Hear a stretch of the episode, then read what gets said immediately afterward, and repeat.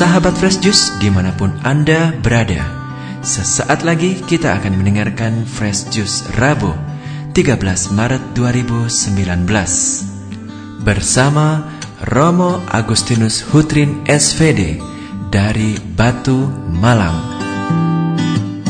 Semoga Fresh Juice yang kita dengarkan semakin menyejukkan dan menyegarkan jiwa kita. Selamat mendengarkan.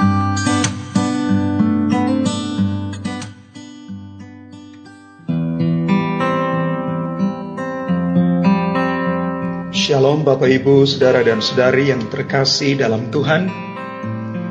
Selamat berjumpa kembali bersama saya, Romo Agustinus Hutrin, SVD, dari Biara SVD Batu Malang. Sebelum kita merenungkan Sabda Tuhan hari ini, saya mengajak kita sekalian untuk membaca teks kitab suci dari Injil Lukas bab 11 ayat 29 sampai dengan 32. Ketika orang banyak mengerumuninya, berkatalah Yesus, Angkatan ini adalah angkatan yang jahat. Mereka mengendaki suatu tanda, tetapi kepada mereka tidak akan diberikan tanda selain tanda Nabi Yunus. Sebab seperti Yunus menjadi tanda untuk orang-orang Niniwe, demikian pula lah anak manusia akan menjadi tanda untuk angkatan ini. Pada waktu penghakiman, ratu dari selatan itu akan bangkit bersama orang dari angkatan ini, dan ia akan menghukum mereka. Sebab ratu itu datang dari ujung bumi untuk mendengarkan hikmat Salomo, dan sesungguhnya yang ada di sini lebih daripada Salomo.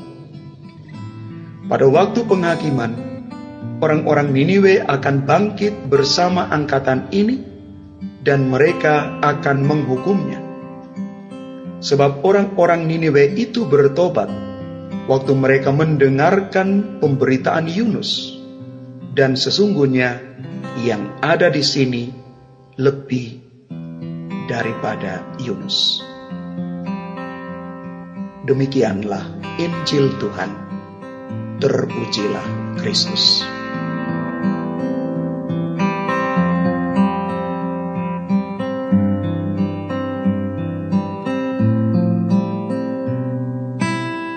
Bapak, Ibu, Saudara, dan Saudari yang terkasih dalam Tuhan tanda yang diminta oleh orang-orang Yahudi adalah mujizat atau hal-hal yang ajaib untuk memberi bukti bahwa Yesus sungguh-sungguh Mesias. Lalu orang-orang baru mau percaya. Tetapi Yesus menolak untuk mengadakan tanda ajaib itu.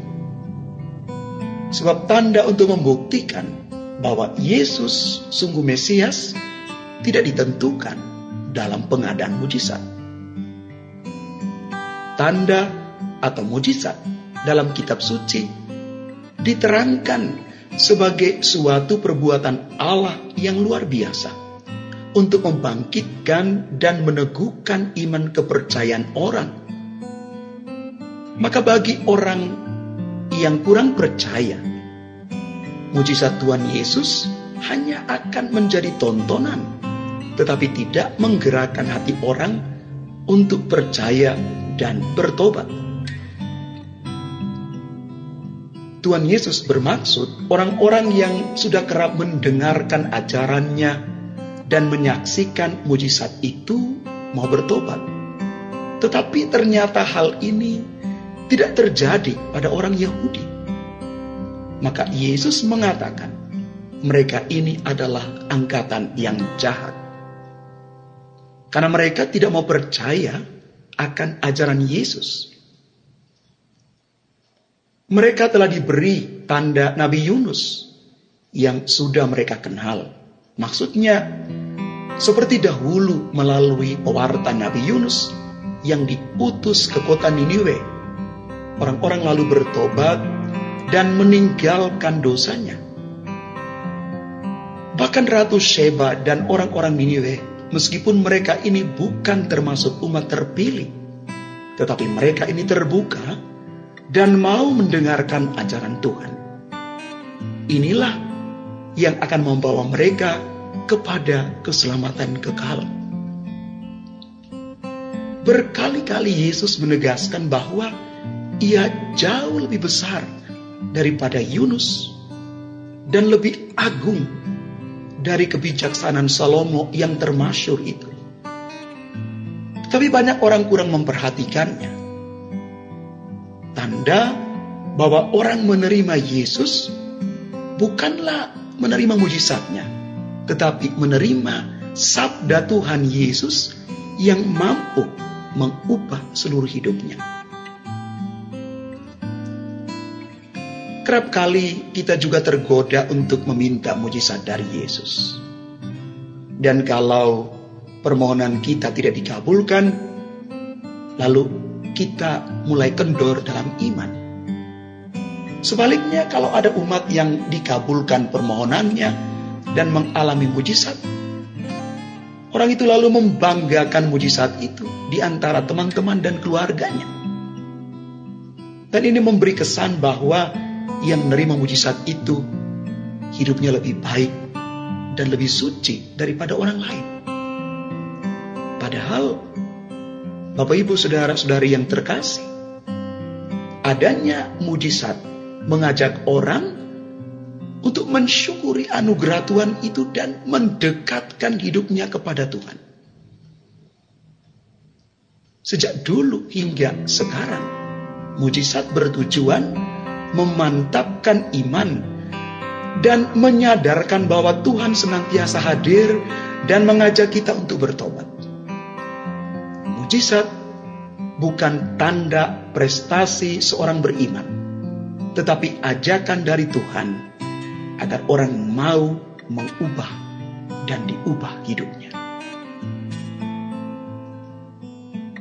Bapak, ibu, saudara-saudari yang terkasih, apa pesan firman Tuhan hari ini untuk kita?